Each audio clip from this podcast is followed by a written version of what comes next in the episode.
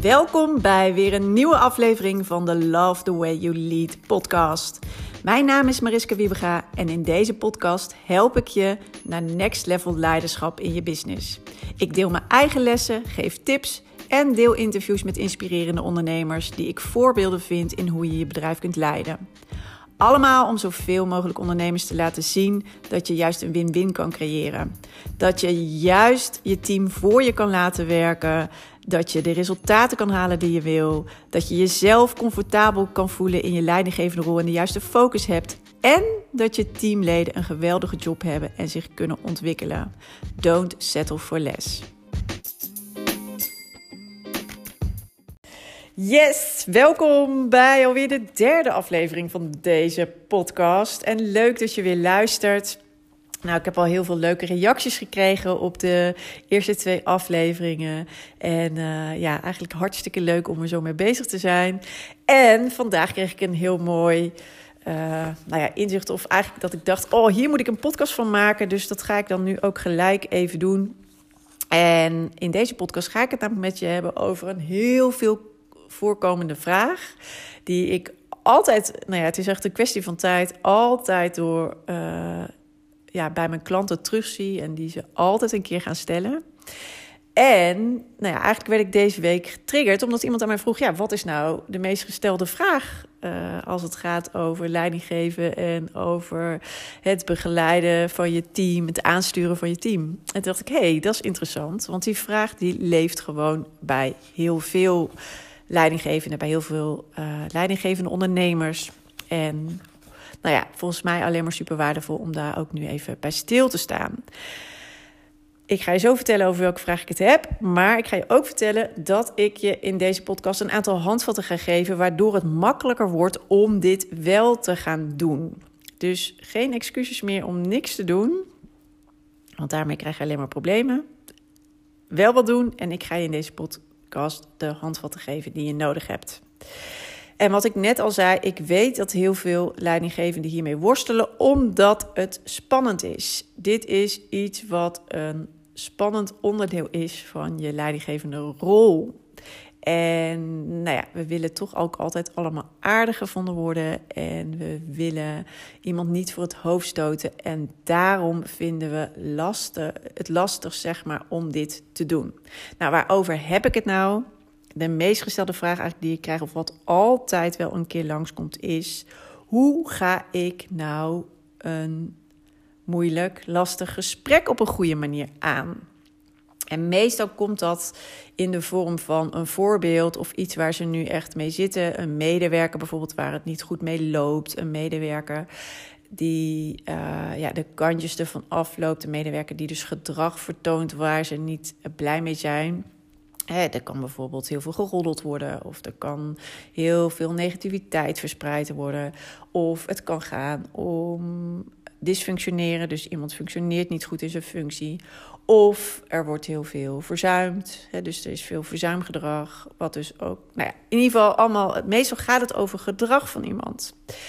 En uh, gedrag wat je als leidinggevende niet acceptabel vindt. En uh, toch zie je dat het vaak nou ja, door de vingers wordt gezien. En misschien herken je dat ook bij jezelf. Dat, er, ja, dat je toch maar uitstelt om er iets van te zeggen. Want hè, meestal uh, praten we het op een manier goed. Ik herken dat zelf ook heel erg. Omdat je dus gewoon aardig gevonden wil worden. Omdat uh, je het goed wil doen voor iemand anders. Omdat je sociaal wil zijn en vriendelijk zijn, wil zijn. En wat ik dus heel vaak terughoor is van ja, weet je, ik wil iemand niet kwetsen. Of hij is zo aardig en zo loyaal. Of het is, is het niet asociaal als uh, we dit al jaren hebben goed gevonden en dat we er nu ineens wat van gaan zeggen. Dus eigenlijk allemaal uh, dingen die we onszelf in onze leidinggevende rol, ja, eigenlijk, uh, hoe noem je dat, wijs maken. Zodat we er maar niks mee hoeven te doen. Want eigenlijk, ja, zit er toch de angst onder van. Uh, zometeen uh, kwets ik iemand of uh, vindt iemand mij niet meer aardig of heb ik het gedaan, ben ik de moeman. Alleen dit is iets wat cruciaal is in je leiderschap. Lastige gesprekken voeren, iemand aanspreken op gedrag, of soms je team zelfs als geheel aanspreken, dat zou ook nog kunnen. Als je het niet doet, val je van de ene issue in de andere. En dan ben je meestal dus veel verder van huis, maar ook veel van je tijd en energie kwijt aan dus allemaal dingen die daarmee samenhangen. Dus ook hierin, ja, ik zeg het wel vaker, ga weer terug naar de essentie. Waar gaat het over? Waarom is er iets ontstaan? Hè, wat ehm, eh, als je op een gegeven moment een nou ja, roddelcultuur hebt, dus dat er heel veel achter de uh, rug omgepraat wordt, uh, dus niet tegen elkaar worden dingen gezegd, maar achter de rug om over elkaar.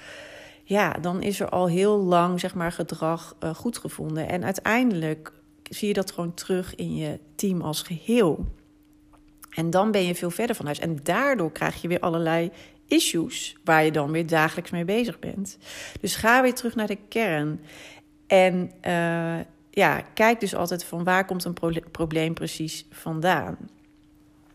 Nou ja, voordat ik ooit um, leidinggevende werd, heb ik drie jaar in de consultancy gewerkt. En ben ik eigenlijk vooral met aanspreken op gedrag bezig geweest. Want op dat moment had ik uh, als consultant eigenlijk allerlei organisaties die ik begeleide waar uh, het verzuim heel hoog was. Dus verzuim is ook altijd een signaal. Hè? Als het verzuim hoog is, dan is er onvrede, dan is er wat aan de hand. En heel vaak had dat ook te maken met het leiderschap. En wij leerden dus uh, binnen organisaties ook aan de leidinggevende hoe ze nou ja, met verzuimgedrag moesten omgaan, maar ook hoe ze bepaalde gesprekken dus aan konden gaan met hun medewerkers. Nou, en al die gesprekken en gesprekstechnieken had ik dus gelukkig al in mijn rugzak toen ik daarna een leidinggevende rol kreeg. Toen ik als leidinggevende begon, wist ik, of tenminste, ja, had ik al genoeg handvatten om ook die lastige gesprekken aan te gaan. En ik weet het, het is al lastig genoeg. Je hebt heel vaak even echt uh, van die zwetende handpalmen. Maar het is een stuk makkelijker als je ook weet hoe je het nou goed aanpakt. Want misschien heb je ook wel voorbeelden van dat je op een gegeven moment er eigenlijk helemaal genoeg van hebt. Of ja, ik weet niet of je dat zelf een keer hebt meegemaakt, of misschien bij een andere leidinggevende of in een team waarin jij gewerkt hebt, dat jij dat ooit, weet je, als het dan een keer genoeg is, weet je, dan kan je, dan barst je eigenlijk uit je vel. En dat is nooit ja, de beste manier, zeg maar, om tot een goede, goed gesprek te komen en ook tot een goede oplossing. Dus um, dat wil je ten alle tijde voorkomen. Maar goed, wat kan er dan dus wel? Want uh, wat ik net al zei, het is wel spannend genoeg om überhaupt iemand ergens op aan te spreken. Feedback geven vinden we ook altijd niet al, eh, niet al te makkelijk. Dus wat kan je nou doen om te zorgen dat je of die lastige situaties uh, al snel voor bent, of in ieder geval snel in de kiem smoort? En um, wat kan je nou ook doen als je toch um, dit soort gesprekken moet voeren. En deze gesprekken moet je nou eenmaal voeren. Dat is een van de dingen die gewoon bij jouw rol horen als um, leider van het team. En daarmee geef je ook heel duidelijk je grenzen aan. Daarmee geef je heel duidelijk aan wat je wel en niet acceptabel vindt. Uh, wat voor cultuur je belangrijk vindt. Welke waarden jullie belangrijk vinden.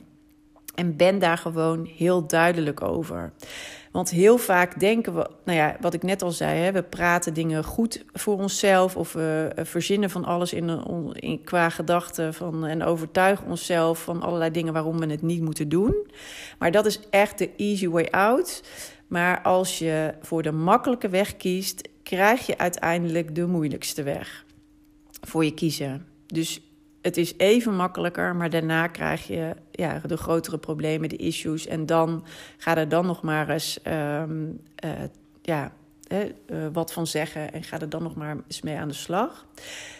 Dus als ik je een aantal tips mag geven, zeg maar, om het voor jezelf makkelijker te maken, dan heb ik bij deze uh, eigenlijk drie handvatten voor je om uh, ja, te zorgen dat het en niet te ingewikkeld wordt. En als je dus inderdaad dit soort gesprekken aangaat, uh, dat je dat ook op een goede, constructieve manier kan doen. Waarbij je je zeker voelt zeg maar, over je zaak. En toch uh, heel duidelijk je boodschap overbrengt. En ook nou ja, de, iemand anders, zeg maar, de ander.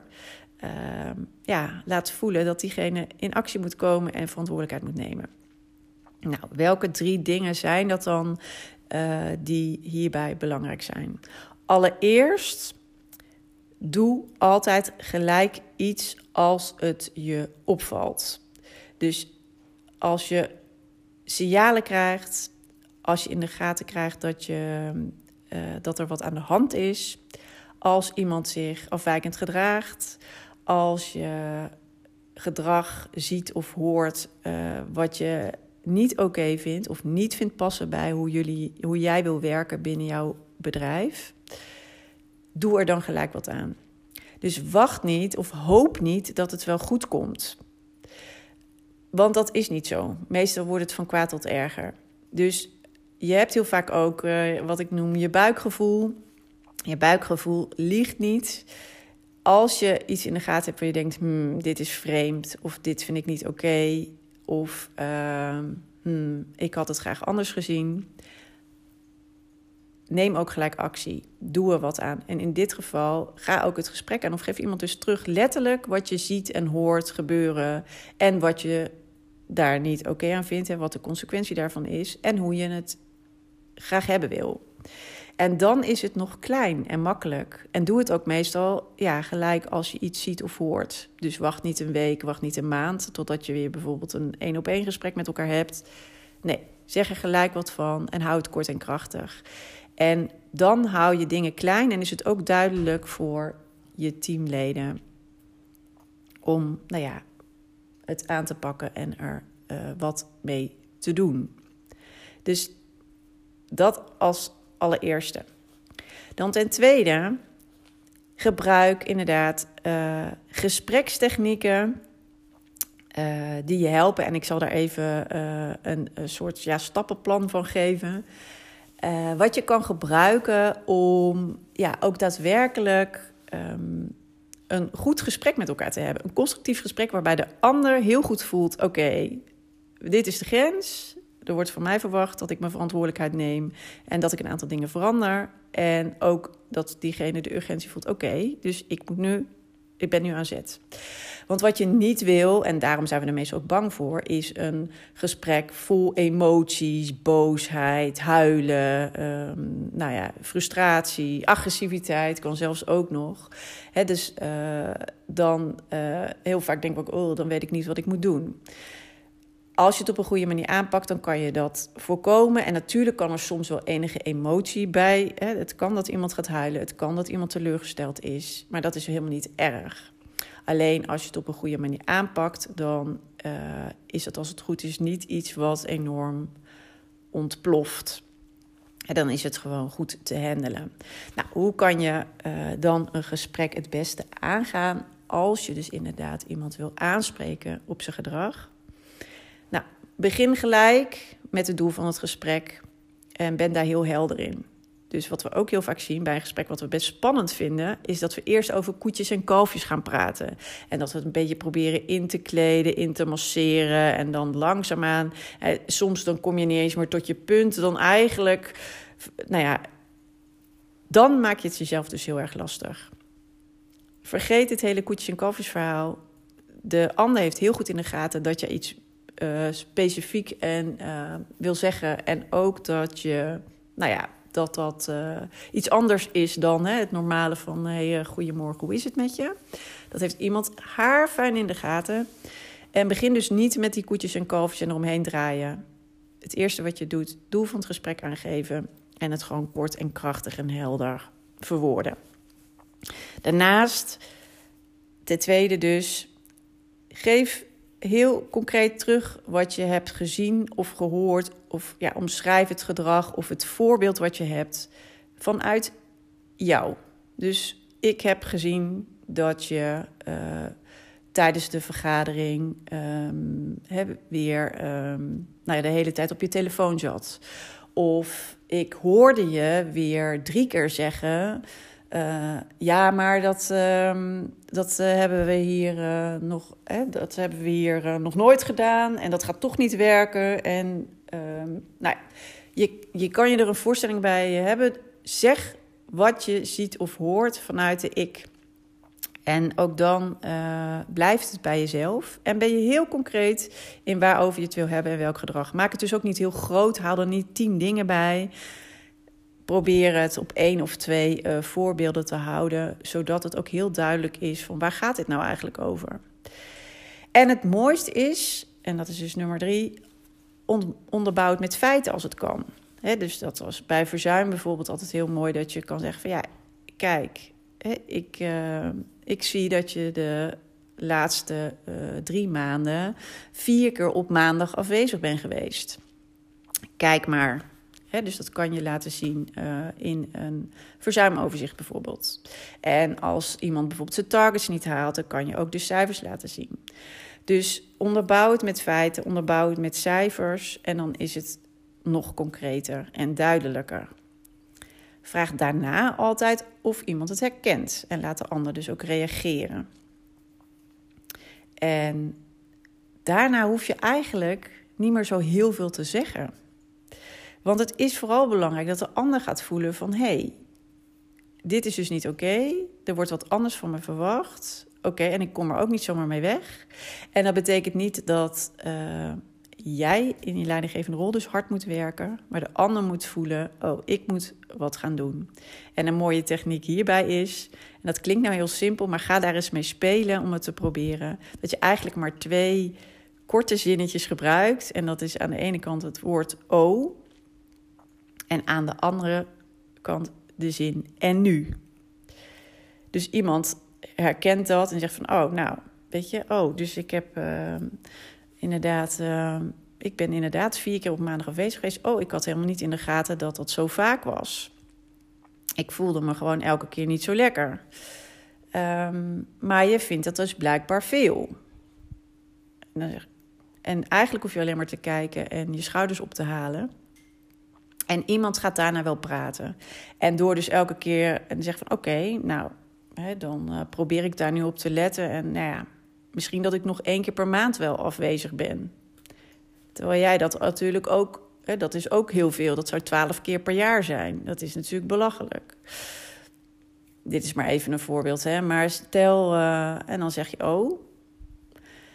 Oh, dus dat vind je nog steeds veel. Nou goed, wat, nou ja, en zo zorg in ieder geval dat de ander heel erg het gevoel krijgt en ook uh, de urgentie voelt dat diegene aan zet is en er wat aan moet doen. En dus ook met een oplossing moet komen. Dus eigenlijk praat zo min mogelijk. Stel af en toe de vraag: oh of en nu. Zet dus de ander vooral in de actiestand. En ook uh, dat diegene zich dus verantwoordelijk voelt voor de oplossing. En dus het gedrag wat je wel acceptabel vindt. En eigenlijk alleen maar door een paar vragen te stellen, niet te veel te praten, lood je de ander naar de oplossing die jij ook acceptabel vindt. En uiteindelijk maak je altijd een concrete afspraak aan het eind van het gesprek. Dus je sluit af met een concrete afspraak. Wat gaat die ander, de medewerker, nu anders doen? En voor wanneer? Wat gaat diegene laten zien? En wanneer hebben jullie eventueel nog een vervolgafspraak? Dus als je deze um, leidraad zeg maar aanhoudt, kan je op een hele goede manier eigenlijk uh, ja, die lastige gesprekken aangaan. Waarbij je uh, ja, de ander, dat je, waarbij jij niet extreem hard aan het werk hoeft. Waarbij de ander dus heel erg de verantwoordelijkheid voelt. Ook heel erg uh, merkt van, nou ja, goed, weet je, tot hier en niet verder. De grenzen zijn heel duidelijk. En um, ja, je um, hebt gewoon een goed, goede leidraad, goed handvat om, nou ja, gesprekken aan te gaan die je misschien, nou ja, in eerste instantie al best wel spannend vindt. Maar je voelt je een stuk zekerder als je het op deze manier aanpakt. Bereid het ook goed voor. Dat is ook het halve werk. En kijk ook gewoon hoe het dan loopt. Mocht het echt voor iemand heel emotioneel zijn, kan je natuurlijk ook altijd op een gegeven moment zeggen: Oké, we stoppen nu even en we praten morgen weer verder. Dus kijk ook altijd even natuurlijk gewoon naar de situatie en hoe het loopt. Maar op deze manier haal je wel de angel eruit, ben je extreem duidelijk, komt je boodschap echt aan en ehm, ja, zet je de ander ook in de actiestand om wat te gaan doen. Nou, en dan even dan hebben we dus inderdaad, doe iets gelijk als je de signalen herkent of als er iets aan de hand is. Gebruik die gesprekstechnieken. En dan ten derde, ga dit gewoon vaker doen. Oefen door iets te doen en het herhaaldelijk te doen. Ook al vind je het in eerste instantie verschrikkelijk, wordt het makkelijker. Dus daag jezelf uit en heb de moed om het wel te doen, omdat het belangrijk is om te doen. En dat weet je eigenlijk zelf ook wel, want ik, uh, nou ja, ik herken dat wat ik altijd al zei, hè, als buikgevoel. Maar je weet gewoon wat het beste is voor je team en voor je bedrijf. En ook al is het dus af en toe lastig om daar ook naar te handelen, doe het wel, want het, je voorkomt er gewoon heel veel gedoe door. En uiteindelijk, uh, door op de korte termijn door die zure appel heen te bijten, heb je daar op lange termijn echt enorm veel profijt van. Dus oefen, ga het gewoon doen en dan word je ook steeds competenter.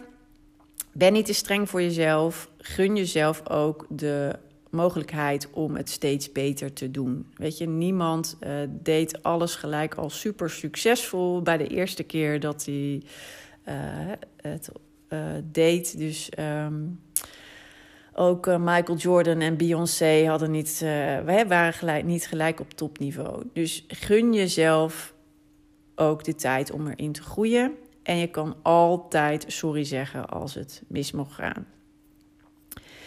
Dus ik had het net al even over moed. Ik weet dat hier moed voor nodig is. Moed is ook een vaardigheid. En moed kan je ook trainen en ontwikkelen. Dus hoe vaker je ook dit soort spannende dingen zeg maar doet en er doorheen gaat, hoe makkelijker het wordt.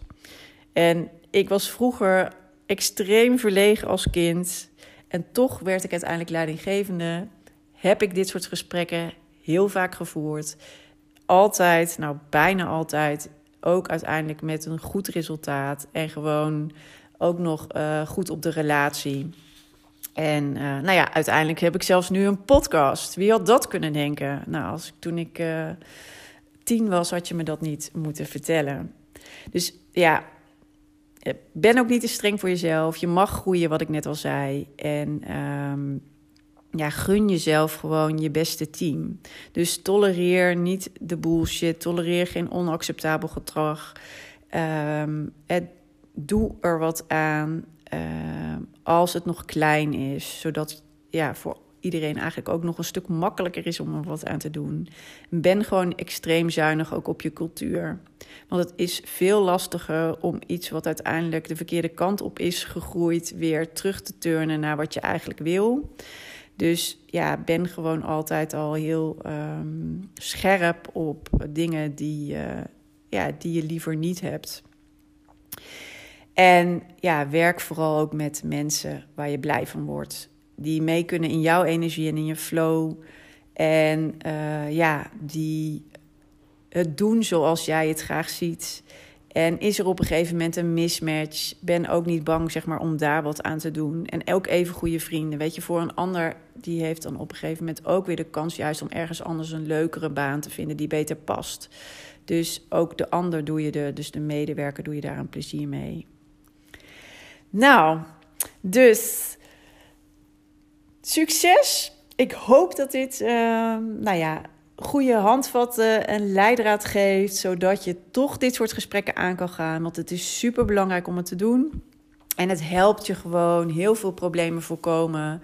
En uh, gun dat jezelf. En uh, het mag ook makkelijk zijn. Dus ehm, ja, ik hoop dat je hiermee uh, ook, um, nou ja, dit soort, dat dit soort spannende of lastige gesprekken gewoon um, ja, beter zijn, zeg maar, om uh, aan te gaan. En nou ja, dat uh, hoop ik dat dat lukt. Dus heel veel succes en uh, hopelijk tot de volgende podcast weer. Doeg!